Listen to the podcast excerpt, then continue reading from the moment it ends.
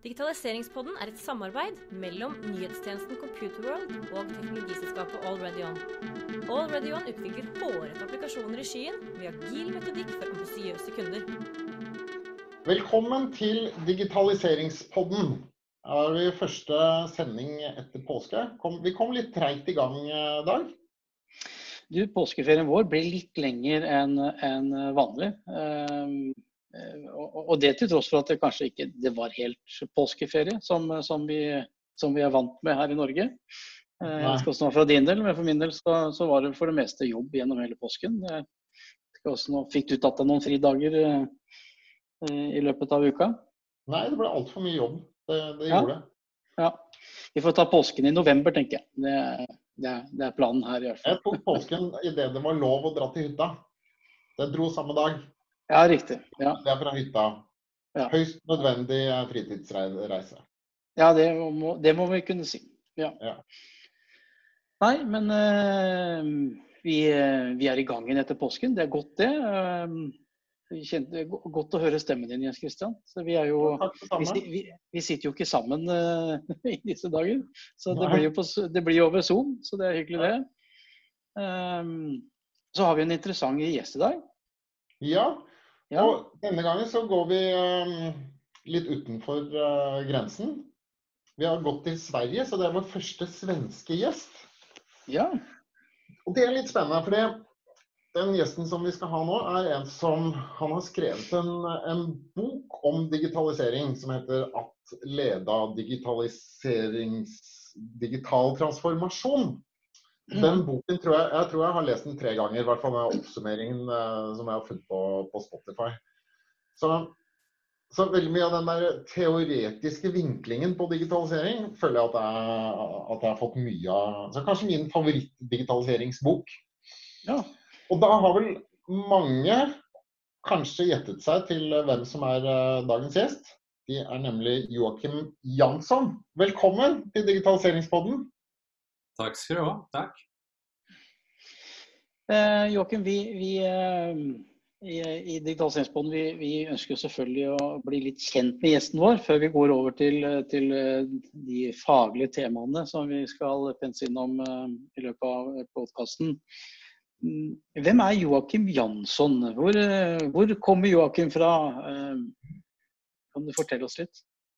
kan jag göra. Jag, ibland så säger jag faktiskt att jag är halvnorsk. Det är jag väl inte riktigt. Men jag föddes eh, fem mil från norska gränsen ungefär.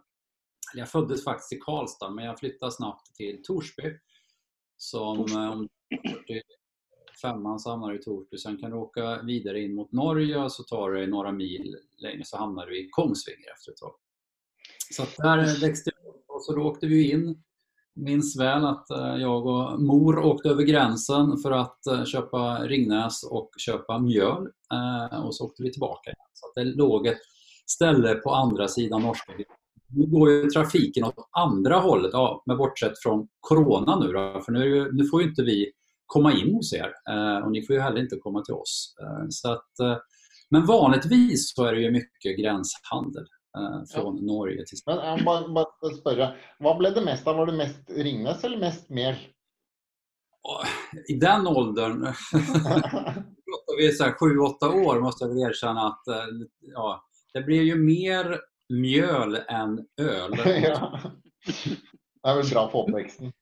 Men, men eh, Torsby er jo blitt et, eh, jeg å si, et litt sånn eh, norsk koloni i Torsby. Jeg vet jo at Petter Solberg, vår tidligere rallysjåførstjerne, har investert i boligprosjekter der borte. Så er det noe som merkes i Torsby, eller har du ikke så mye kontakt med Torsby de senere årene?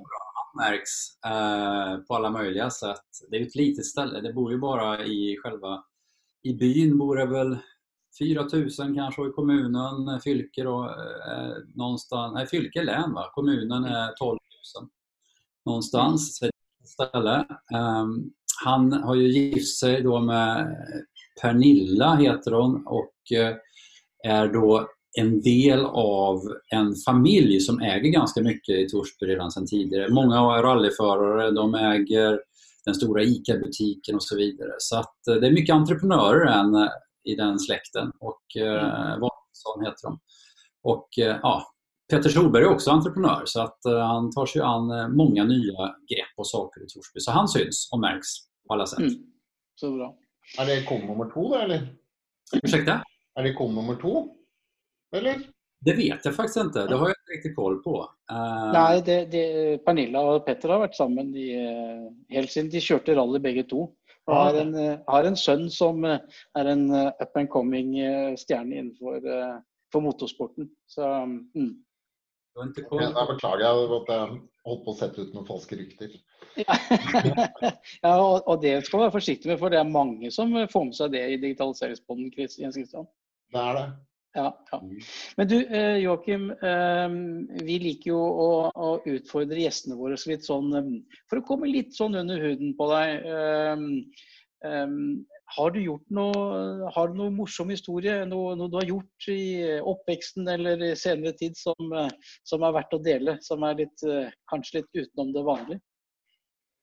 Ja, det är väl en bra fråga. Närmast så ligger liksom att jag har musicerat väldigt mycket. Eh, så att jag, det gillar jag att hålla på med, spela i soulband och sådär. Eh, och också spelat på, vad heter Oslos variant av Fasching har jag spelat på. Um, så här jazzklubbsaktigt. Smuget kommer jag ihåg att vi har lirat på den tiden. Ja. Um, du har inte varit på, på Backekroa? Nej, det har vi inte lirat. Men Smuget var väldigt till. Det var väldigt kunnig publik kommer jag ihåg. Eh, vad roligt att spela det. Men en, en sak som jag brukar berätta om ibland, det var egentligen min första upplevelse, min första erfarenhet av digitaliseringen. Då hade jag pluggat ekonom i Uppsala som ett eh, stort svenskt eh, anrikt universitet. Och så hade jag sedan börjat på MTG, Modern Times Group, då, numera Nent Group, som TV3 i Norge bland annat. Då, och så vidare. Eh, så där började jag jobba.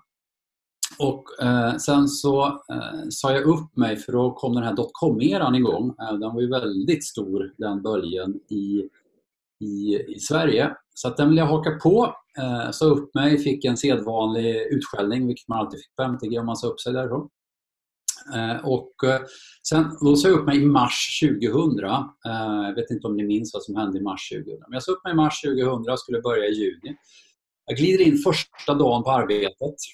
Eh, och här, det här var liksom då mitt andra arbete.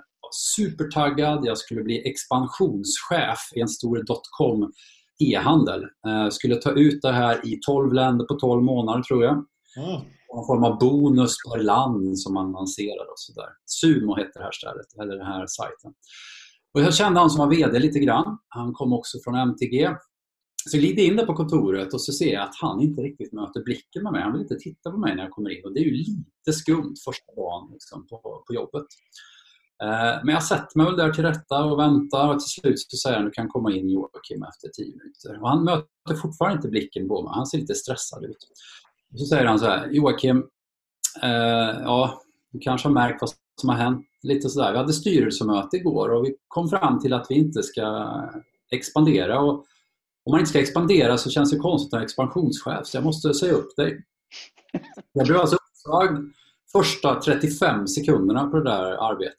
Ehm, så det var min första liksom, erfarenhet av digitalisering. Att det kan gå ganska fort både uppåt och neråt i digitaliseringen. Andre bolagen hade brukt upp alla pengarna sina i 1999 för de trodde att världen skulle gå under på grund av 2000-årsskiftet. Mm. Ja, men det var härligt. Och sen hade jag sex månaders uppsägningstid, vet jag. Ehm, jag brukar ibland eh, skryta med att just den halvminuten, då tjänar jag faktiskt bättre än Zlatan.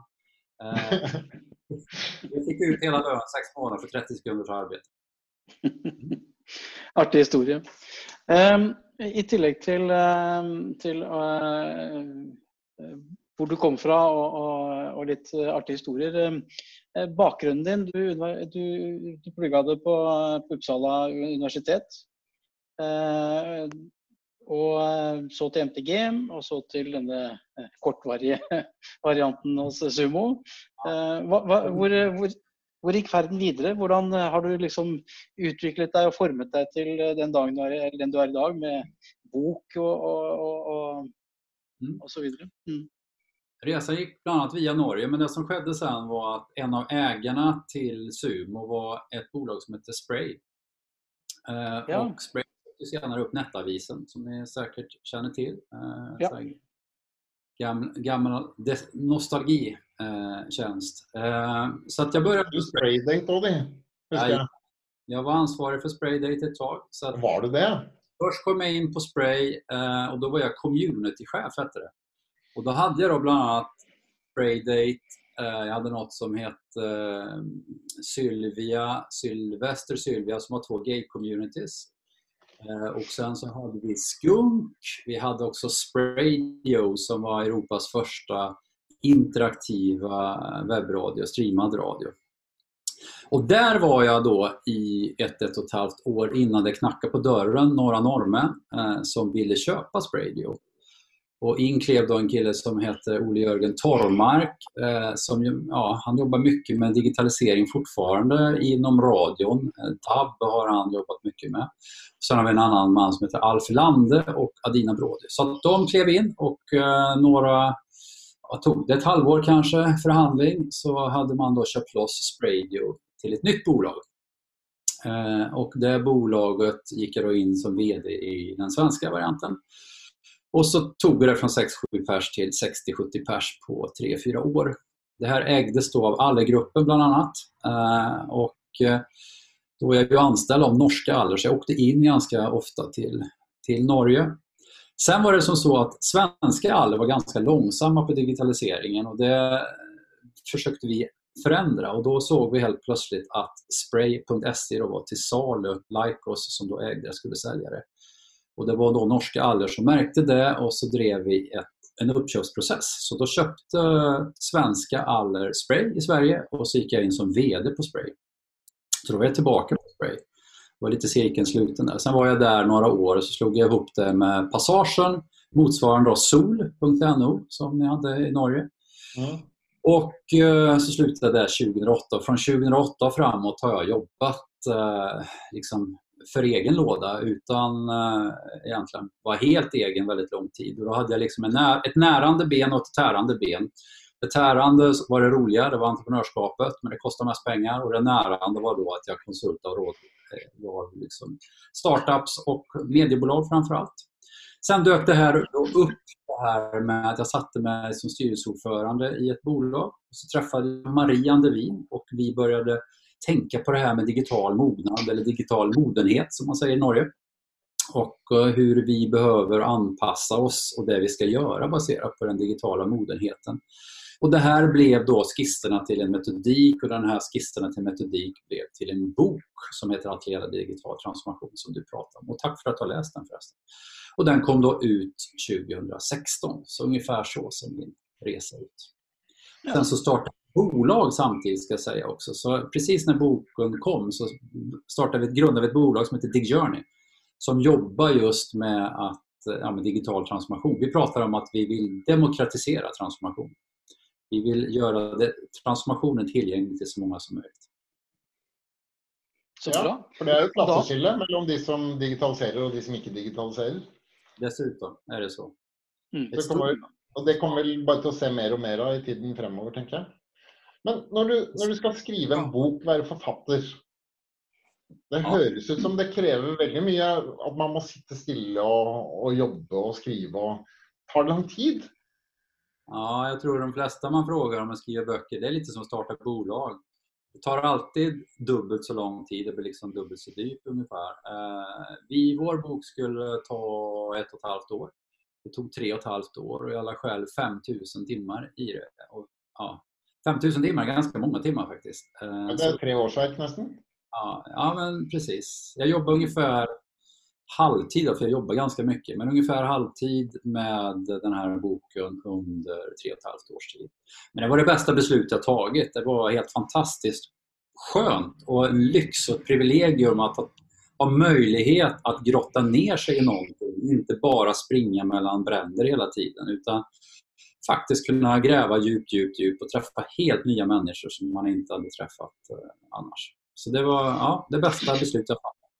Det blir vel også litt sånn at, eh, at um, på den reisen med å skrive en bok, så, så altså hele den læringskurven som du sier, å møte mennesker altså, eh, Ikke bare sluttproduktet er det spennende, men, men, reisen dit er vel kanskje vel så spennende.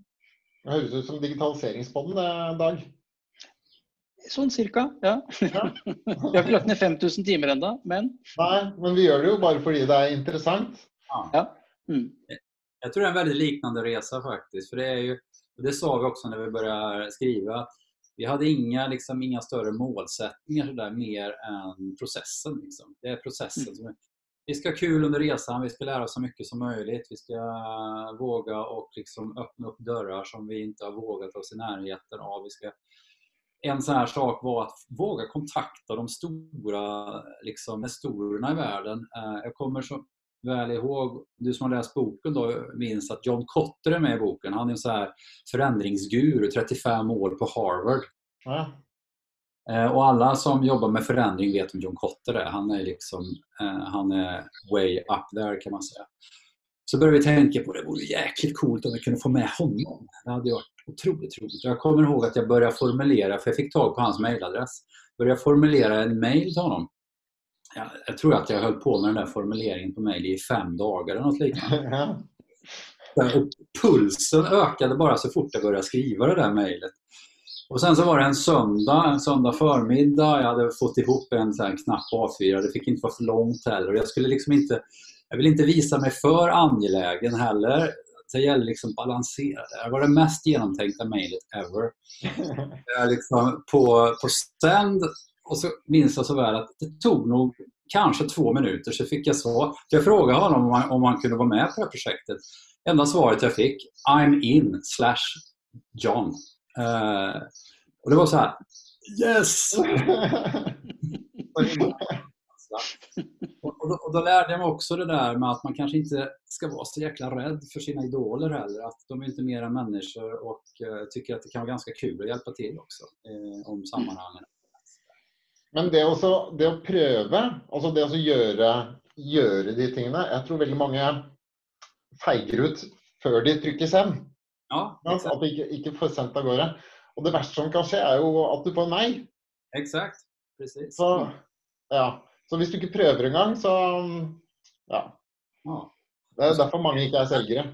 Jag får väl erkänna att det tog jag vet inte hur många gånger jag provade att trycka sänd innan det gick iväg men eh, ja, till slut så. Men du, før vi begynner å snakke litt om, um, om innholdet i bok, boken. For du, du, sitter jo nå i Stockholm. Bare høre Dør folk i gatene i Stockholm, eller eh, er det bare rykter som blir satt ut av norske medier? Hvordan, har dere det i, i Stockholm nå? Jo, men vi har det väl... Alltså så här är det väl att eh, det, man ska ju ta, det är ju en allvarlig situation, så är det. Det, är ju liksom, det här är på riktigt. Det är människor som går bort. Eh, för några veckor sedan så, så gick en person bort, en svensk känd programledare som heter Adam Alsing. Eh, jag var lite bekant med honom också och den kände jag tog. Han var då programledare från början i Kanal 5. Um, ehm, jag kommer inte ihåg vad det heter i Norge, motsvarigheten, men SBS i alla fall. Låg det mm. numera Bauer Media, tror jag. Men, så att det där, då kom det riktigt nära. Då var det liksom inte bara folk bara folk över 75-80 och siffror liksom som rapporteras varje dag utan då blev det en riktig människa, kött och blod som liksom det tog stopp. Så det där är är tufft. Eh, samtidigt har vi ju, som vi alla vet, liksom, eh, har ju Sverige valt en lite annorlunda. Nu tror jag ju att det, det kanske inte är så annorlunda strategi som att det ibland låter i medierna, men vi har valt en lite annorlunda sätt att göra det här på. Men det är ju inte som så att livet liksom går precis som vanligt här i Sverige. Det är ju enormt stor skillnad. Jag var faktiskt inne i Stockholm, cyklade in häromdagen och det, jag ska inte säga att det är en spökstad, men 80 procent är i alla fall borta. Eh, så det är en väldig skillnad. Men restauranger, är de öppna eller? Eller är de stängt? Restaurangerna är öppna. Eh, de har dock eh, förhållningsregler som de ska liksom förhålla sig till man kan inte göra allt det här utan till men man får inte stå och äta, maten måste serveras, det får liksom inte vara buffé. Eh, det måste vara visst avstånd mellan borden och så vidare. Och nu har de börjat stänga ner de första restaurangerna också, för de gör ju tillsyn eh, så att man liksom sköter sig. Eh, och vissa har väl klarat det bra och vissa har klarat det mindre bra. Så kan man säga. Restaurangerna är öppna och våra skolor har ju varit öppna förutom då gymnasie och universitet. De kör ju distans då. Men ehm, upp till nian så är skolorna igång. Eh, och jag har ju två mm. söner, en på fem och en på åtta och där är det igång. Eh, mm. mm. Men um, vad tror du är riktig strategi? Ja, nu ska man ju liksom inte eh, luras in i den här VG mot Aftonbladet fighten när vi nu inte har skilöjping och och hetsa upp oss kring så ska vi helt plötsligt tävla kring Corona. Men eh, jag, jag, tror så här att riktig strategi är det nog ingen som vet. Eh, Eh, jag tror att när man kollar på det här längre fram så är det väl stor sannolikhet att antingen kommer Sverige väldigt väl ut eller kanske väldigt dåligt ut i, i och med att Sverige kanske har valt en annorlunda strategi än de flesta. Men jag tror egentligen inte vi vet det här förrän kanske om 3, 4, 5 år. Där man då kan gå tillbaka och kolla hur, hur såg den liksom totala dödligheten ut? För det handlar ju inte bara om att de minskar dödligheten inom covid-19 utan det är den totala dödligheten. Och hur påverkas samfundet? Vad händer om vi stänger ner samfundet totalt och en massa bolag går i konkurs? Vad händer med psykisk ohälsa? Och den psykiska ohälsan kommer ju föranleda självklart eh, ökad eh, antal självmord och liknande. Så att det är ju ingen, det är ingen lätt... Eh, en komplex problemställning. Mm. Mm. Och det där tror jag, eller det är självklart, forskarna kommer ju jobba med det där hur mycket som helst, eh, hur många som helst, i hur många år som helst. Så vi lär väl bli klokare över tid, men just nu tror jag att man ska vara väldigt försiktig med att säga vad som är rätt och fel strategi. Mm. Jeg er enig. Jeg, jeg, jeg, er veldig enig. og jeg tror at eh, Det er ikke nødvendigvis at det skal være, kommer til å bli så stor forskjell på utfallet av de to forskjellene. Det kan godt hende eh, eh, litt forskjellige approacher, men, men eh, same same i sluttresultatet kan også være. Jeg tenker sånn for min del at jeg syns det er vanskelig å forholde meg til det. Eh, vanskelig å forholde meg til hva som er riktig. Men jeg tenker at eh, en ting er at jeg kan bli smittet, men jeg har ikke lyst til å være den som smitter andre. Uh, og eventuelt ha det på samvittigheten, at jeg har bidratt til at noen skulle dø pga. at jeg har vært uforsiktig. Så jeg tror at um, sånn total, uh, totalvurdering, så, så, velger jeg å være forsiktig. Passe på å prøve å gjøre det beste jeg kan, uh, og bidra med det jeg skal til samfunnet. Um, og så får vi håpe på at andre gjør det samme, slik at vi sammen kommer oss bra gjennom det på, på et bra sett. Da. Jag kan bara säga det jag, alltså de flesta jag känner sitter ju hemma, de som kan sitter hemma och jobbar. Ja. Så jag själv är hemma nu. nu. Det är svårt, man blir lite dagvill, man har knappt koll på tiden längre. Men var det 6-7 veckor eller något liknande kanske man har suttit hemma? 12 eh. mars, torsdag 12 mars husker jeg, det er en sånn minnesdag. For det var den dagen Norge skrudde ned. Eh, da, da gikk statsministeren ut og sa at nå, nå må dere gå hjem. Men det måste jag fråga. För jag, menar, jag har jobbat mycket i Norge och har många norska vänner och jag vet ju att hytten det är ju, liksom, det är ju heligt. Eh, på fredag klockan fyra finns det, alltså 16.01 finns det ju inte en person kvar på norska kontoret. Eh, ja, eller eller 14.01 kom du väl nästan också se. Men hur, hur det man inte fick besöka hytterna längre? Det måste ju, det måste ju vara liksom landssorg bara det. Ja, men tror jeg var, det har vært en del um, aggresjon fra, fra hytteeieren også. For det, det, har vært en del ordførere i Norge som har gått ut og sagt, altså i hyttekommuner og sagt at, uh, at det er livsfarlig at noen kommer og de kommer til å smitte alle og vi har ikke kapasitet til å, til å ha dem og sånn. Og, det, og, og, mange av disse kommunene mottar jo også eiendomsskatt fra hytteeierne. Så jeg tror mange av hytteeierne syns at det var eh, at den loven som kom der, om den ble liksom provosert frem av, av disse her, eh, ordførerne i hyttekommunene, at ikke det var eh, helt bra. Og så var det etter hvert så, så kommer det frem at ja, det var ikke av smittehensyn egentlig, for man er jo mer spredt der ute. Og så var det, det var for, fordi helsemyndighetene eller eh, tillbudet tilbudet skulle kunne ikke kan opprettholdes på samme nivå da, ute i de. Så det, det har blitt litt sånn frem og tilbake der. Men nå har de jo åpnet for det igjen. Men det var jo etter påsken, så er det sikkert mange som føler at de mistet, eh, mistet påsken. Men så kan vi jo også si sånn som du sier, vi vet jo ikke hvilken dag det er i uka lenger, ikke sant, liksom, for alt det henger sånn. Mm. Mm. Men la oss ta et skritt forbi koronaen og over til, eller tilbake til digitaliseringen. Bare, bare legge til en siste ting der. for um, Jeg hører at det kvitrer, fuglene kvitrer bak hos Joakim. Uh, og det hjelper jo litt på når man, uh, når man, kan få følelsen av vår. Da er det litt bedre å kunne sitte hjemme og ta en for laget uh, allikevel. Mm. Ja, det er tur at det ikke er oktober. Så kan man Ja. säga. Mørketiden hadde vært tungt. Ja. ja. Så det. Ja, kjør på, Jens Christian. Ja. ehm, i, I boken din så skriver du jo litt sånn om hvorfor skal man digitalisere. Og Det syns jeg er et, er et interessant tema som vi, kunne ha, som vi kan belyse litt. Grann. Så, så Joakim, hvor, hvorfor skal bedrifter digitalisere? Eller offentlige virksomheter? Mm.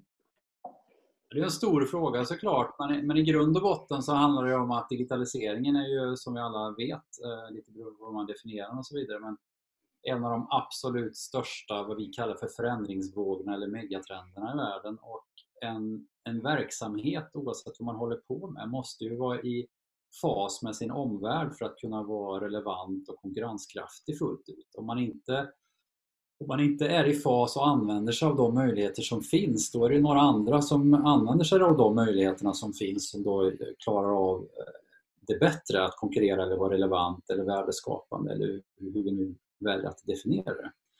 Så att i grund och botten så handlar det om att man digitaliserar för att kunna framtidssäkra sig, eh, att man ska kunna skapa det värde, maximala värde som man kan givet hur världen ser ut idag. Världen är ju digital.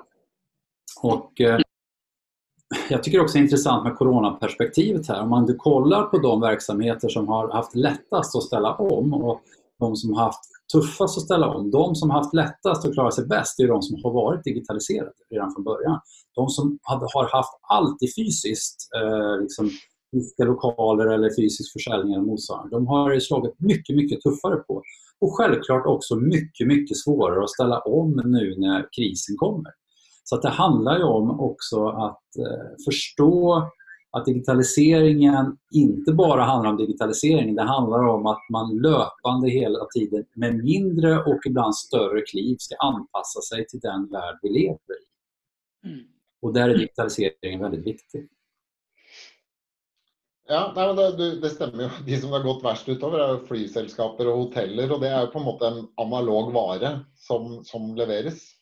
Men har du, har du hørt om noen som har gjort det bra, og som, som har eh, i omsetning og, og gjort det bedre? I flygbranschen? Nei, i, eh, innenfor digitalisering og i forbindelse med koronakrisen nå? Ja, men vi gjorde ett, eh, jag höll en föreläsning här för ett par veckor sedan eh, tillsammans med en annan kille. Det var riktat mot eh, småföretagare. Eh, och eh, då valde vi att lyfta lite olika framgångsexempel eh, för de som har klarat av att ställa om. Ehm, och det, det fanns ganska många då som har, har varit, eh, det har varit liksom restauranger som har varit snabba att ställa om, snabba på sådana som inte tidigare kanske hade utkörning, som var snabba med att ha utkörning i restaurangerna till exempel. Ändra om menyerna så att det blir lättare att förstå, lättare att välja mer anpassat efter en, en digital köpupplevelse och motsvarande. Så att vissa har klarat sig ganska bra i, i den här omställningen som har förstått hur man kan göra det lite annorlunda, lite snabbare eh, än andra. Och andra har ju väldigt svårt att då plocka upp det här och, och fastnar i gamla hjulspår och har då svårt att se möjligheterna.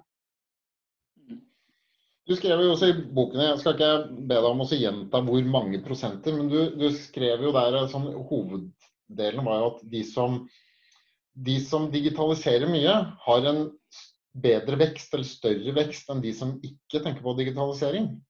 Det var en, en undersökning, den har ju några år på nacken nu den undersökningen, men i, det som var lite poängen med den undersökningen var ju att det fanns en väldigt tydlig eh, koppling, eh, ett samband då mellan de som har högst tillväxt och högst lönsamhet och, och eh, den digitala mognadsgraden som man har. Så att ju mer digitalt mogen man har, desto högre tillväxt har man och desto högre lönsamhet har man. Så att där, där om något har du tydliga fakta på varför digitalisering kan vara smart att göra. Da, da må jeg bare få spørre. Eh, digital modenhet. Hvordan eh, klassifiserer man och måler man digital modenhet? Ja, det är en bra fråga. Det är exakt den frågan som vi ställde oss faktiskt eh, när vi började skriva boken. Eh, boken liksom, och vi har en metodik i boken som vi kallar för den digitala mognadsmatrisen eller Digital Maturity Matrix som vi använder det engelska uttrycket oftare. Och där säger vi egentligen att eh, den digitala mognaden, ju högre digital mognad du har desto högre konkurrenskraft har du. Och för att öka sin digitala mognad då behöver du jobba med innovation och innovationskraft. Det vill säga Eh, komma fram med nya saker som skapar värde antingen på intäkts eller kostnadssidan då oftast. Eh, samt det som då kallas för förändringsledning. Det vill säga se till att få ut eh, innovationen i organisationen och gå från A till B på ett smidigt sätt. Där har ju vi vilat oss väldigt mycket på befintlig forskning och befintlig eh, litteratur och sånt som finns. Men det vi la in som eget, där vi då la våra timmar, de här 5000 timmarna som jag la på att skriva den här boken, det var ju väldigt mycket kring att definiera vad är då digital mognad? Och efter ganska många om och men genom att då försöka ta till sig befintlig forskning som inte var så speciellt mycket på digital transformation ska jag säga, eh, men också eh, köra vår egen research, kolla på beprövad erfarenhet, så landade vi i nio olika områden som vi kallar för digitala motorer. Som då påverkas av digitalisering och som är områden som man behöver jobba med inom digitalisering. Och de här går då inom den första motorn, värderingar, vision och mission, som påverkas av digital, eh, digitalisering och kan ha olika digital mognad. Eh, och ett exempel på det kan då vara till exempel att ja, man behöver ibland ha en digital vision, en digital mission för att ha en tydlighet i det man vill uppnå. Och då lever den under en övergångsperiod. Men sen när man är riktigt digitalt mogen, då behöver man inte ens ha en digital vision eller digital mission. Utan då har man en övergripande vision, en övergripande vision, en övergripande strategi. Alla jobbar åt samma håll. Exempel. Så det var en motor. Sen har du åtta till då. Eh, så... Fråga om den visionen och missionen. Det är väl något som, då ska, som styret till bedriften ska, ska sätta det, den visionen som, som du styr efter? Det är inte de, är inte de ansatta um, i bedriften? Eller är det bägge delar? För du måste ha ägarskap på, på, på ett högt nivå för att få kunna ja, sätta en digital vision. Mm det beror lite på hur man väljer att jobba ska jag säga. Strategi är ju, och jag antar att det är samma i, i Norge, i Sverige i alla fall, styrelsen eh, som beslutar om strategin. Eh, däremot är det i praktiken ofta som så att det är liksom administrationen som tar fram strategin som sen då styrelsen beslutar om. Mm. Ofta är det så. Eh, men det fler och fler gör och det vi ser också för att du ska kunna få det här att funka det är ju att ju mer och ju tidigare vi involverar fler människor i en organisation för att till exempel mejsla fram vår vision eller vår mission och vår strategi. Ju tidigare vi kan få in fler desto mer förändringskraft kan vi skapa i organisationen.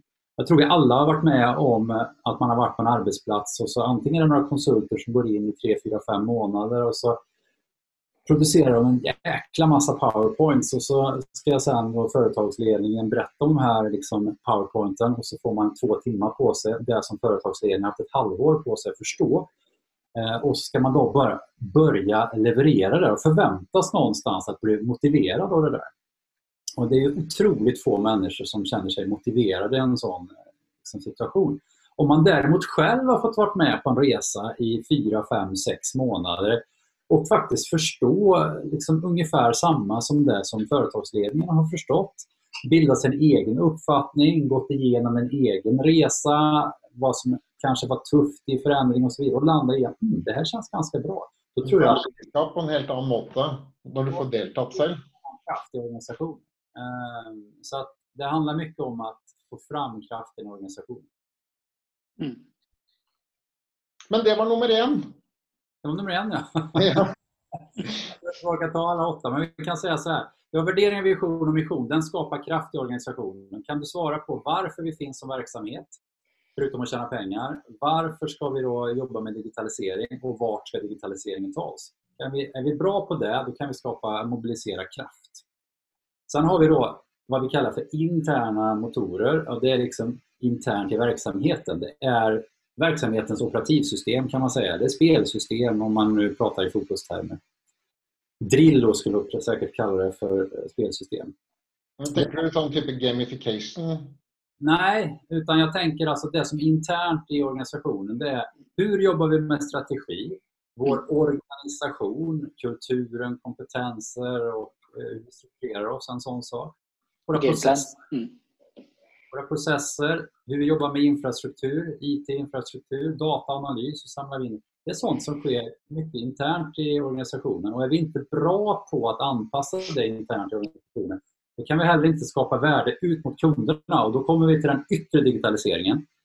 Eh, och det är liksom erbjudandet och intäktsmodellen, det vill säga vad är det vi levererar för värde till eh, våra kunder och hur tjänar vi pengar på det?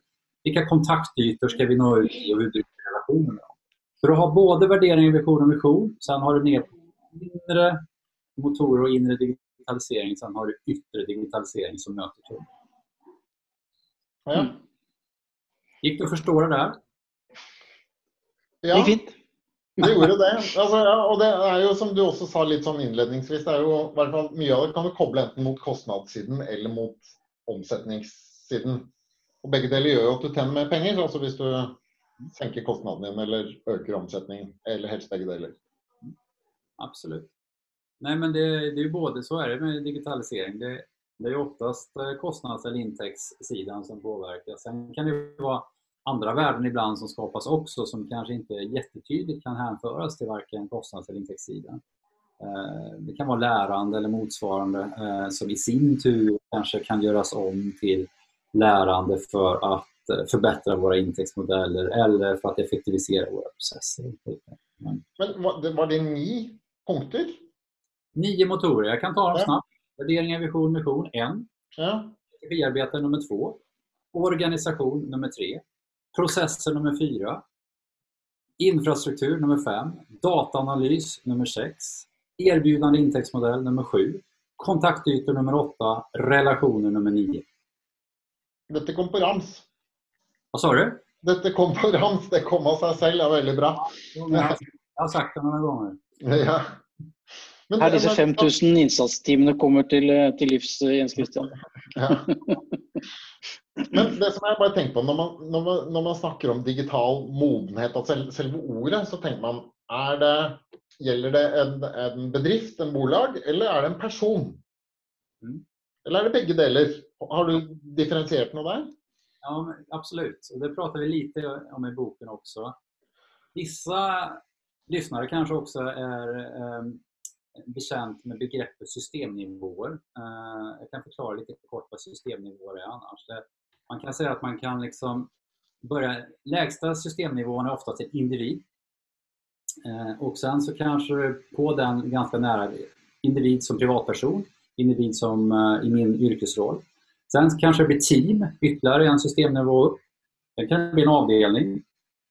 Sen kan det bli en verksamhet. Sen kan det bli en bransch. Sen blir det ett helt samhälle, en samfund till exempel. Och sen kan det också bli planeten. Ytterligare, yttersta, eller egentligen hela universum, men den yttersta systemnivån om man ska vara så.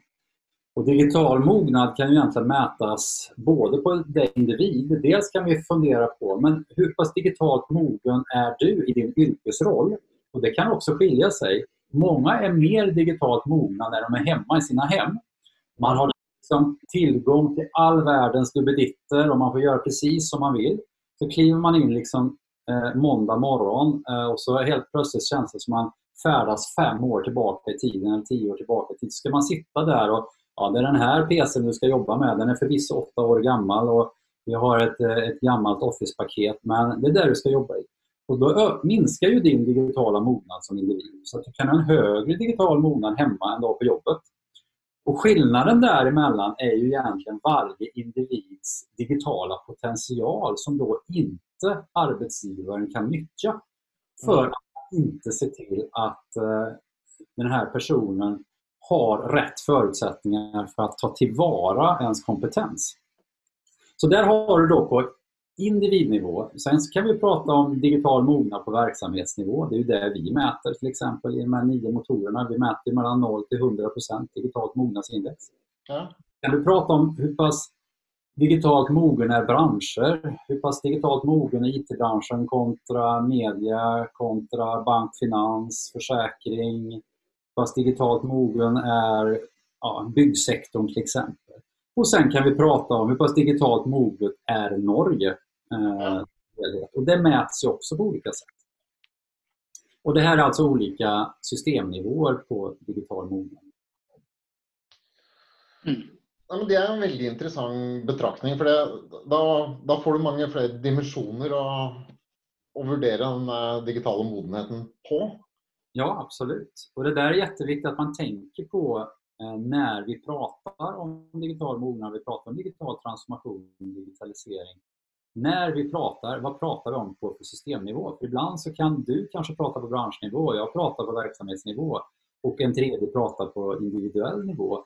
Och då pratar vi ju om varandra hela tiden. Så att en av de saker som vi har lärt oss allra mest av det är att på tidig punkt i en sån digital transformation är att försöka hitta ett gemensamt språk som gör att man förstår varandra. Eh, och jag är övertygad om i digitaliseringspodden så har du haft lika många definitioner av digitalisering som du har haft gäster som har varit i den här podden. För alla har sin syn på vad digitalisering är. Och kan vi då inte landa in i vad är då digitalisering för oss som verksamhet så att vi har samsyn kring det, då kommer vi aldrig riktigt mötas eller kunna prata om hur vi ska se till att ta oss framåt. Så att ett gemensamt språk är grunden för att kunna kommunicera. Kan vi inte kommunicera kan du glömma att du ska klara av att förändra någonting. Ja, det er sant. Vi har jo hatt mange professorer i digitaliseringspodden som jobber med digitalisering, men eh, vinklingen for alle sammen har jo vært, vært forskjellig. Eh, Mm. Og det, det er litt interessant, eh, for vi har jo tidligere hatt eh, eh, leder for Digitaliseringsrådet, Svein Christensen, på, på besøk eh, i, i Digitaliseringspodden, som leverer ut en sånn digitaliseringsrapport hvert år i Norge. Mm. Eh, og den siste rapporten de leverte ut, så, så er et av hovedtemaene i rapporten er eh, viktigheten av den gode historien eh, internt. At lederskapet skal være flinke til å få med seg organisasjonen i form av å kunne fortelle eh, hvorfor gjør vi dette, hvordan gjør vi det, og hva skal til for å få det til. Og hvis du ikke som du sier, da, får med den interne motoren, eh, så, så, så ser man ofte at prosjektene eh, smuldrer bort i, i, i ingenting. Absolut, superviktigt. Eh, storytelling, det, det svenska ordet storytelling. Nej, men hur, hur berättar vi de här historierna? Hur får vi folk att liksom landa in i det här? Och det Mm. du är inne på där är ju också liksom varför gör vi det här och vart ska det här ta oss och, och så vidare. Och eh, goda ledare här tycker jag också är de som förstår komplexiteten i det, som inser att nej, eh, jag kanske inte kan allt om det här och är sårbara i det här och vågar vara öppna och transparenta. Att jag förstår att det här är en väg vi behöver gå. Jag har inte alla svaren. Borta är det chefen ska sitta på alla svaren. Utan det jag kan hjälpa till med är att försöka skapa förutsättningar för oss att eh, förstå vart vi är på väg. Skapa, kanske hjälpa till att skapa en vision men också skapa förutsättningar för medarbetarna att kunna ta oss dit på olika sätt. Snarare än att sitta inne med alla svaren som många ledare fortfarande ibland känner att de förväntas leverera. Mm. Men ehm, nå, nå, nå har du eh, satt det litt i perspektiv, da, dette med person og bolag og samfunn. Men det som eh, Siden vi har en, eh, en, en svenske i studio, vårt virtuelle studio, og vi er i Norge Hvis vi sammenligner Sverige og Norge innenfor digitalisering, hvem har kommet lengst? Eller? hæ? Ja, det er tevling igjen.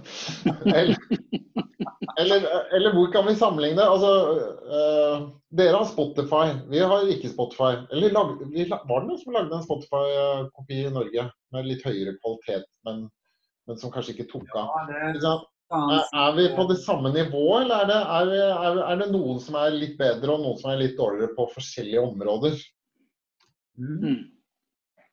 Det är en bra fråga. Eh, Jag, jag vet inte riktigt. Det jag minns från att jag jobbade mycket i Norge var att eh, ni hade väldigt hög betalningsvilja bland eh, konsumenter. Ja, norrmän var villiga att betala för mycket digitalt innehåll tidigt på en helt annan grad än vad vi hade i Sverige och resten av världen. Jag tror ni låg ungefär dubbelt upp eh, då jag var inne mycket.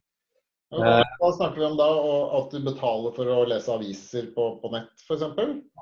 Just, det här är ju väldigt länge sedan, nu förstår ni hur gammal jag är också, men det var digitala ringsignaler och liknande. Så det var en väldigt hög eh, betalningsvilja i Norge jämfört med många andra. Men Ja. det även togs över då när det kom de här tjänsterna som Aspiro tog fram med, streamingtjänster och så vidare. Ehm, nu har jag faktiskt glömt bort vad, vad, vad, vad tjänst, Tidal heter tjänsten, den som JC sen köpte av, av Aspiro. Ja. Ehm, och eh, det, det var i alla fall en del som jag, som jag slogs av liksom, när det gäller individnivå. Att, att den delen var väldigt mogen. Sen så vet jag inte riktigt, jag tror inte det skiljer sig jättemycket. Jag vet att Sverige har en av de högsta digitala mognadsgraderna bland befolkningen som finns i världen. Det vill säga vi har väldigt lätt för att ta till oss olika saker. Det är ofta därför Sverige och Skandinavien, Norge blir testmarknader till exempel. För vi är snabba på att haka på nya trender. och så där. I offentlig sektor vet jag att Sverige har tappat position ganska mycket. Vi, vi var ganska bra ett tag men de senaste åren har vi tappat. Vi har inte varit så bra på att öppna data som vissa andra länder till exempel. Eh, och inom näringslivet har vi blivit bättre. Och då pratar vi om det traditionella näringslivet som då gör sin digitala transformation till skillnad från startups som inte gör någon transformation. De är digitala natives. Liksom. Mm. Näringslivet har, har svenska bolag blivit bättre de senaste åren. Men sen har vi ju alla då de här Ja, där Sverige kanske ligger lite längre fram. Eh, våra ja, motsvarigheten till Zlatan Ibrahimovic på den digitala startup-himlen där ni ja, har John Karev eller vad han heter, motsvarigheten. Eh, lite, på, lite på den nivån. Eh, nej, var lite elakt. Men eh, du har ju liksom Spotify och du har Klarna och du har ja, fintech-sektorn som är väldigt sprudlande såklart. Du har Minecraft och ja, det finns många stora svenska framgångssagor där. Mm. ja. Og som er internasjonale, for det er jo litt Ja, exakt. Eh, Många internationella där som, som har gjort det väldigt, väldigt bra. Och Frågan är då varför de har gjort det väldigt bra. Eh, och Det tror jag dels har att göra med att vi är, har varit ett exporterande land under väldigt lång tid. Och det har varit naturligt för Sverige att söka sig utomlands för att kunna få liksom, med H&M eller Ericsson eller Volvo eller motsvarande. Sverige är för litet om du ska kunna liksom, eh, ens kunna konkurrera. Så det har varit väldigt naturligt för ja, svenska Vi er jo Norge også. Vi jo enda mindre, så vi burde jo vært enda mer avhengig av den eksporten. Ja, men ni har ju haft er olja, ni har ju inte behövt. Liksom. Ni har ju klarat er ändå. Ni har haft industri och olja, så att ni har inte behövt gjort så himla mycket. Det har varit okej att gå hem 14.01 på fredagar, liksom, medan eh, svenska entreprenörer har kört hela helgen. Är det- Jeg tror også du har, har rett i det. for det, Den verdiskapningen som vi har hatt, har jo vært mer råvarebasert. Altså Vi har hatt olje, vi har strøm, vi har fisk. Men, men ingenting av dette er jo noe som vi tilvirker på samme måte som, som svenske Volvo eller HM eller, eh, eller de, de selskapene eh, du nevner. Selv om vi er, samme, vi er i samme båt når det gjelder det, det lille markedet som vi må forholde oss til. Så det är en grej, att förmågan att försöka se liksom Globen som en marknad redan från början. En annan är ju då, som jag redan varit inne på, det är ju en hög digital mognadsgrad hos invånarna. Det började ju med hem-PC-reformen som jag tror var 1998 där vi svenskar kunde köpa billiga datorer hemma. Jag tror 850 000 PC som något skickades ut i landet i olika hushåll och helt plötsligt så gick den digitala mognadsgraden upp extremt brant Mm. eh, under den perioden. Men var det en reform som gjorde att eh, du kunde köpa PC skattefritt? Du kunde köpa PC billigt. Eh, Till bruttolön? För vi hade samma i Norge. Det var en sån bruttolönsordning så du kunde köpa Du kunde köpa Mm. PC utan att, ha skatt, utan att betala skatt först. Jag kommer inte ihåg exakt hur den såg ut. Jag var så liten då. Men eh, det var, det var i alla fall en vikt, väldigt viktig reform. som Ja. Eh, Och sen har vi varit bra på bredbandsutbyggnad tidigt. Eh, Såklart har också då hjälpt liksom kunder och konsumenter. Sen hade vi väl också turen, tänker jag, att vi, vi hade ju den här dotcom-eran med massa galna entreprenörer som verkligen försökte ge sig ut där i världen på olika sätt och, och prova vingarna. Och det gav ju ändå en känsla av att det är möjligt att eh, liksom försöka och göra någonting. Och Mm. i, i vågen efter de här entreprenörerna, för ja, dotcom-eran kraschade ju och det har jag redan varit inne på med min story där, liksom, eh, mars 2000. Men i vågorna efter det där så skapade det sig ju en jäkla massa entreprenörer för de satt ju där på Spray tidigare och Ikon och Framtidsfabriken och alla de här och tyckte det var fantastiska bolag. Sen började de starta sina egna bolag och då kanske förutsättningarna var lite bättre. Då fanns infrastrukturen där ute för att vi skulle kunna göra våra grejer och sådär. Sen hade vi också turen att eh, snabbt få Skype eh, som visade att ja, det är möjligt att faktiskt bygga ett världsbolag eh, i Skype och sen sälja det för 21 miljarder kronor eller något liknande. Minst tror jag att det var som det såldes till Microsoft. Mm. Och det här gav ju också ett självförtroende att det är fullt möjligt. Och då, då, Skype också svensk. ja, det var ju en svensk grundare. Sen så var det Janus Fries i, eh, i Danmark också. Men Ja. det var ju Mm. Niklas en svensk som var väl huvudsaklig grundare, tror jag. Eller de kanske var bägge två. Och det har blivit ett verb eh, att skype nu. Exakt. Det är ju ingen som har något bättre ord på det. exakt. Ja, og det til tross for at Skype skal legges ned. ja. Ja, men nu är det ju tyvärr, de har ju tappat, ingen skypar ju längre. Liksom. Eh, Mm. alla sitter på så.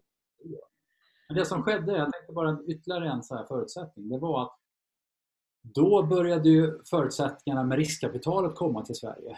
Dels var det många som tjänade pengar redan då på Skype, men så såg man också att det går att tjäna mycket pengar på att investera i startups. Så då började den här riskkapitalmiljön eh, gro till sig. Och då hade vi inte bara då bra entreprenörer, vi hade tillgång till kapital, vi hade entreprenörer som ville ge sig ut i världen och så vi hade en bra hemmamarknad. Det tror jag är några av anledningarna till varför svenska bolag lyckas bra. Men det är, uh, han, ähm, Petter Stordalen säger ju stadig att om du ska starta upp något nytt, uh, inte gör det i Oslo, gör det i Stockholm. För där är det på något mer kapital eller eh, alltså, som, som, som man är villig att putta in i, alltså risikokapital. Men vem, vem är kapitalisterna som vill betala? Är det den svenska stat eller är det svenska banker eller är det privata investorer? Alltså vem är det som, som vill funda de nya och de goda idéerna som, som dere har i Sverige? Men det finns ju olika, det finns ju dels statliga aktörer. Ni har väl något som, har ni inte någonting som heter så innovations... eh, Innovation Norge.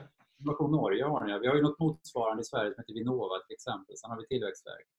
Det finns offentliga medel som man då kan söka som är väldigt eh, väl utbyggt. Men sen har ju stor tillgång till klassiskt riskkapital. Allt ifrån änglar, alltså ängelinvesterare, till stora VCs som Creandum och Northzone. De har ju bägge till exempel investerat i Spotify. Som har väldigt stora fonder eh, som de sätter upp, så de har tillgång till mycket kapital. Sen är det ju många av de här gamla Ehm, ja, gamla ägare till H&M och liknande som har mycket kapital som sen investerar sitt kapital eller Stenbeck till exempel som låg bakom MTG och Tele2 och så vidare. Ehm, de har ju också kapital som de investerar i nya startups. Så det är både nytt kapital och gammalt kapital och det är både privat eh, och offentligt. Mm.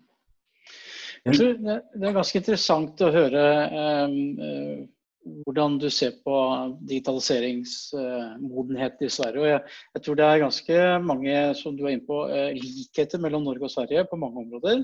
Én ting er det, det, private, hvor jeg føler at Sverige har vært flinkere over enn oss i lengre tid i forhold til det å få de eh, store eksportvarene innenfor digitalisering.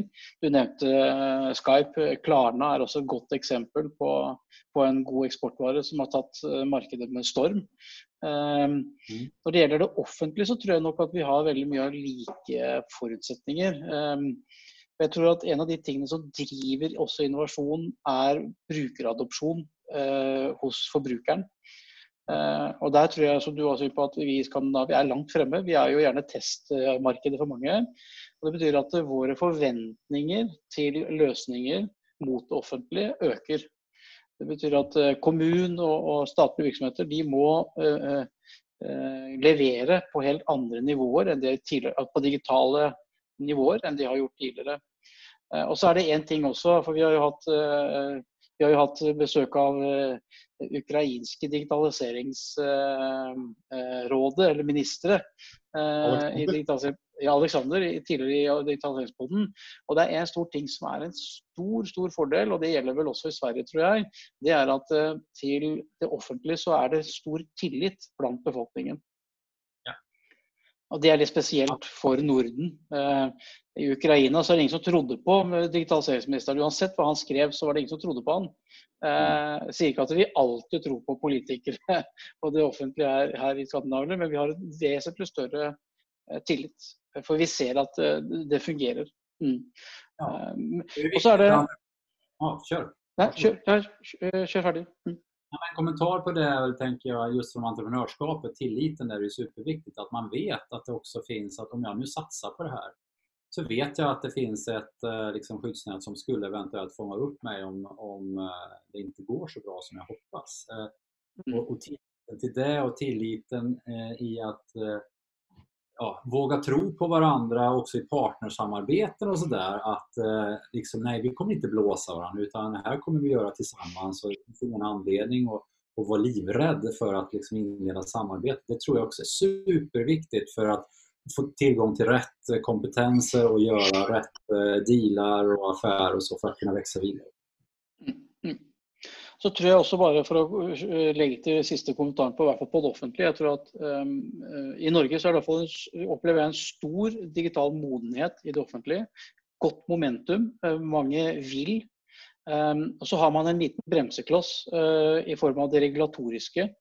Uh, og en legacy på allerede eksisterende on-prem-løsninger som, som, som, setter noen, noen, klare begrensninger på hva man klarer akkurat nå. Men, men, det er hele tiden i bevegelse. Så det å bryte ned tidligere siloer, bryte ned legacy eh, osv., det og, og, ikke minst å kunne dele informasjon på tvers i det offentlige, er noe som, som foreløpig er litt, litt vanskelig, men, men, som kommer mer og mer. Jeg vet ikke hvordan men, du opplever det i Sverige. Greide vi, greide vi nå også å kåre en vinner, eller? Ja, men var det, var, det, var det, meningen? Var det, var det oppgaven? Nei, det var litt sånn grei ut og drøft. Men uh, jeg må jo stille spørsmålet. Vi är ju två mot en, så det är ju lite orättfärdigt. Med tanke på att jag är gäst och att ni klår oss i allting annat hela tiden så vore det väl skönt och också en, en, en smula ödmjukt eh, för en utländsk gäst som sitter här med coronafrisyr i, i källaren. det är Sverige till vinnare kan jag tycka. Eller? Så te, jo, og så tenker jeg at uh, fordi, uh, Og jeg, jeg, støtter deg i det, Joakim. Og en ting uh, som gjør at jeg heller i den retningen For du har, du har flere ganger brukt Zlatan som en, som en, som en parameter. og så nevnte du Karev. Um, og det Ibrahim, eller Zlatan sa en gang, var jo til, til avisen at uh, det Jon Carew klarer med en fotball, uh, det klarer jeg å gjøre med en appelsin. Og Da tenker jeg at uh, da setter vi streken der, at Sverige fikk lov til å vinne denne gangen. det var snilt over, takk. Vi går mot slutten, men det er, det er et tema fra boken som, som, jeg kunne godt tenkt meg at vi brukte litt av, av de siste minuttene på.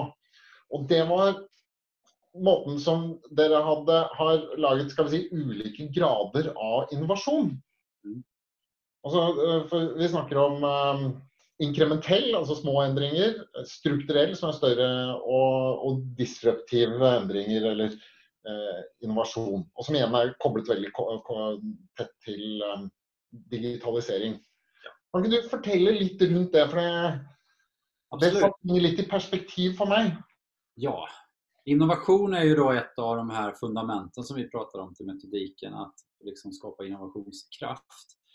Och eh, här lutar vi oss på befintlig forskning till exempel. Så att det här med de här tre nivåerna, det är ju till exempel inte eh, våra nivåer. Man kallar det ibland för three horizons till exempel. Det finns modeller kring det. Men det är väldigt nyttigt att tänka på när man tänker innovation. För innovation är sånt där ord, precis som digitalisering, som är väldigt utvattnat. Det kan betyda allt och ingenting. Liksom. Att eh, släppa en ny tandkräm som nu är rosa istället för grön är det vissa som kallar för innovation. Liksom.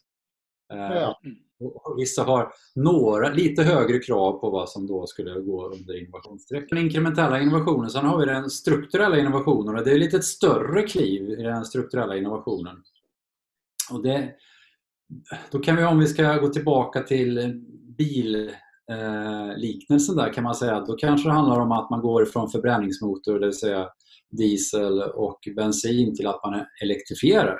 Sen har vi ju i princip så är det fortfarande som så att vi använder våran bil, vi, vi liksom laddar den, vi kör, har ungefär samma bilvanor och så vidare. Eh, men när man ger sig upp i den strukturella innovationen, då det, måste man tänka ganska många nya tankar. Eh, och då kan man ju liksom tänka sig att de som är jätteduktiga på förbränningsmotorer på Volvo till exempel, de kanske inte är supersugna på att eh, ge sig i kast med elektriska bilar för det kommer ju helt plötsligt hota deras kunskap och kompetenser och deras status kanske också. Och då är det ofta att man lägger ut det här lite utanför för att liksom hålla det här liksom innovationen, eh, hålla fart på innovationen och att man har möjlighet att bygga sin egen kultur och så där. Ganska vanligt. Vi må forvente med stru- strukturell eh, innovasjon at, eh, at vi kommer til å møte motstand i organisasjonen. For det Ja, ikke alle som har interesse av, av det. Absolut. Det, det kommer definitivt vara så. Och kanske ännu mer i det sista steget då, som det som vi kallar för disruptiv innovation som också kan kallas för radikal innovation, ungefär samma sak. Eller på engelska, för de som känner till det, begreppet discontinuous innovation pratar vi också ibland om. Eh, och då är det ju ännu större steg. Då är vi inne på det här som Google, liksom, i deras Google X-låda eh, som de tänker helt nytt och fritt som kan vara vad tusan som helst. Eh, Mm. Eh, och då skulle det kunna vara i, i Volvo-caset och bilsektorn så kan det vara när vi går över i självkörande bilar till exempel. Då helt plötsligt så skapas ju en helt ny struktur för hela marknaden. Man kanske säljer mycket färre bilar, vi har helt andra rörelsemönster. Vi går egentligen från att eh, ha fokus på att producera en fysisk bil till att helt plötsligt tänka mobilisering. Vår uppgift som, som företag, eh, som tidigare bilproducent är att ta en människa från A till B. Sen spelar det inte så stor roll eh, om man åker dit i sin egen bil eller ej, till exempel. Då, då har man helt plötsligt tagit en helt annan, ett helt annat kliv. Och då är det ännu mer som talar för att det här behöver utvecklas lite vid sidan av befintlig verksamhet. Mm. Och det här kan man också då på Google till exempel, det är många som känner till det, det refererar vi till också i boken, det är 70-20-10-regeln. Där Google landade i att vi ska lägga 70% av vår verksamhet på liksom dagens verksamhet. Det är liksom AdWords-affären typ så här, och sök. 20% ska vara det som är närliggande. Det är liksom morgondagens verksamhet. Vad skulle det kunna vara? Youtube kanske som ändå har en annonsaffär i sig. 10% det är liksom way off framtid. Det är det som handlar då i Google X-lådan. Och man kan väl ta liksom Google Glasses som ett sånt exempel eh, som förvisso inte lyckades men som var ett sånt här riktigt way off. Eh, Som man lärde sig en, en massa saker på eh, men som inte man riktigt lyckats hämta hem och göra en affär av än i alla fall. Mm. Mm. Og Hvor skal man være, da? Skal man være den, eh, altså den mest innovative som driver med disrupsjon? Ja, men det är väl så här kan man tänka tror jag. att Olika branscher har olika förändringshastighet. Ja. Eh, det går olika snabbt i olika branscher. Eh, har ni något exempel på någon bransch där ni känner att ja, men här händer det inte så himla fort? till exempel? Frisörer kanske? Ja, frisörbranschen. Det går inte så himla fort. Eh, av den anledningen så behöver du heller inte vara så innovativ i den branschen. Utan du kan göra ungefär som det du brukar göra. Så länge du är bra på att klippa hår och har ett hyfsat pris, liksom har en hyfsad liksom, fysisk lokation eller ligger bra till så att du är tillgänglig, då kommer det nog gå ganska bra för dig, sannolikt. Eh, men i andra branscher, om det är jättestor förändringshastighet, har du några exempel på någon, någon bransch? Mediebranschen är ju utsatt. Ja, precis. Då måste du ta större kliv. Eh, så ju större förändring du har utanför din egen verksamhet och din verksamhets liksom väggar, desto större verksamhet måste du ha inom verksamhetens väggar. Och du måste också ba, inte bara jobba med de här lite bättre varje dag utan du måste också våga ta lite större kliv. Och då är du inne på den strukturella och du är inne på kanske också den disruptiva innovationen. Mm. Så det är väl en bra regel. Större förändringshastighet där ute i vår bransch, större förändringshastighet där inne. Men i en bransch som är ska vi säga, lite traditionell och där det inte går så, så ändringarna går så snabbt ja, burde ikke de være i en eh, bedre situasjon hvis de er villige til å gjøre noe disruptivt för att ändra sin bransch, för det är lättare? Superbra exempel tycker jag. Eh, och Det är ju häftigt när man ser det eh, när det är en ganska traditionell bransch men en aktör eller några få helt plötsligt inser att shit, i den här långsamma, tråkiga branschen så behöver vi inte göra speciellt mycket. Så helt plötsligt så framstår ju vi som hur framåtriktade och digitaliserade som helst. Och, Eh, också ett sånt exempel som var i boken är ju Trelleborg då, som jobbar med, med plast eh, och gummi, polymera material kallar man det för. Som var en väldigt traditionell bransch, de jobbar i olika affärsområden. Men de inser att det är nästan ingen som gör någonting digitalt här. Om vi kliver fram och börjar göra några saker, då kommer vi framstå som otroligt digitala. Och det som skedde var ju då att Eh, helt plötsligt så vill ju alla prata med dem. De blev thought leaders. Det var där man ville jobba. Eh, konventen kunde, liksom konventen blev överfulla för det kändes som Trelleborg var väldigt hett att vara på och så vidare. Och de gjorde inte så himla mycket saker. De startade en blogg, var en grej de gjorde bland annat. Eh, och de började jobba med lite appar och så vidare för att komplettera den fysiska produkten med digitala lager. Så jättebra poäng tycker jag. Mm. Jeg ser vi eh, Tiden begynner å gå mot slutten eh, for, for dagens sending. Ehm, eh, det er jo litt synd noen ganger, for noen ganger så det, har vi så mange flere spørsmål. Vi har så lyst til å vite enda mer. Men mm. vi, må, vi, må, gå inn mot landing, og, og, og, da har jo vi et vanlig spørsmål som vi spør gjestene våre, Jens Christian. Ja. Ikke hvem det er sin tur, men du kan få lov til å gjøre det i dag. hvis du vil. Ja, tusen takk. Jo, spørsmålet er jo da Hvis du skulle høre på Digitaliseringspodden, noe jeg regner med du kommer til å begynne med nå, nå som du har vært gjest selv, Jajamän. hvem ville du uh, høre på som gjest? Ja. ja, men det, det finns ett gäng såklart eh, svenskar man skulle kunna skicka på er. Men jag lyssnade för en tid sedan och det var ett klipp som jag då delade också i mina kanaler som jag också använt i lite föreläsningar och så av en norrman. Eh, nu får ni hjälpa mig här. Sten, vad är det Birger Sten han heter? Robert Sten tänker jag du tänker på. Vad hette han sa du? Robert Sten. Robert. Robert Sten var det ja, precis. Robert Sten som eh, var någon sån här Oslobyråd eller något liknande, jag vet inte. Men han pratade i alla fall om digitalisering Eh, på ett sätt, eh, och det här var en föreläsning i offentlig sektor, han pratade om digitalisering på ett sätt som jag kände bara att ja, det var en ny ton eh, och det landade in väldigt väl och ett lätt sätt att förstå det. Han pratade om vårdsektorn och utifrån en, ett användarperspektiv och hade någon tecknad film till exempel. Så här ser det ut idag, så här ser det ut imorgon. Mm. Jag tyckte det kändes fräscht och ett, ett välbehövligt Eh, liksom så här, ett välbehövligt, eh, en välbehövlig verklighetsanpassning av vad digitalisering egentligen handlar om och göra det på ett begripligt sätt så att oavsett egentligen eh, vad man har för förkunskap så kunde man ta till sig av det. Så jag skulle vilja lyssna på Robert Sten. Ja, men det høres um, veldig bra ut. Robert Steen, jeg regner med at du hører på Digitaliseringspodden nå? Det gör han självklart. Ja, da kan du sende meg en mail på post at alreadyon.com. Um, hvis ikke hvis noen kjenner Robert Steen, så kan du jo nevne det for han også. Uh, sånn at vi kommer i kontakt med deg. Og så håper jeg å få deg som, uh, som gjest. Men da får vi runde av. Har du en liten oppsummering, Dag? Ja, eh, kort. Eh, fantastisk flott eh, gjest vi har hatt i dag med Joakim Jansson fra opprinnelig Torsby. Eh, som, eh, som eh, har gått på skolen med kona til Petter Solberg, det la jeg merke til. Eh, han har hatt en lang og, og interessant bakgrunn innenfor digitalisering. Helt fra, fra MTG og, og kort eh, 35 sekunders ansettelse i, i, i Sumo. Det tror jeg må være en av, om ikke verdensrekord. Viktig period.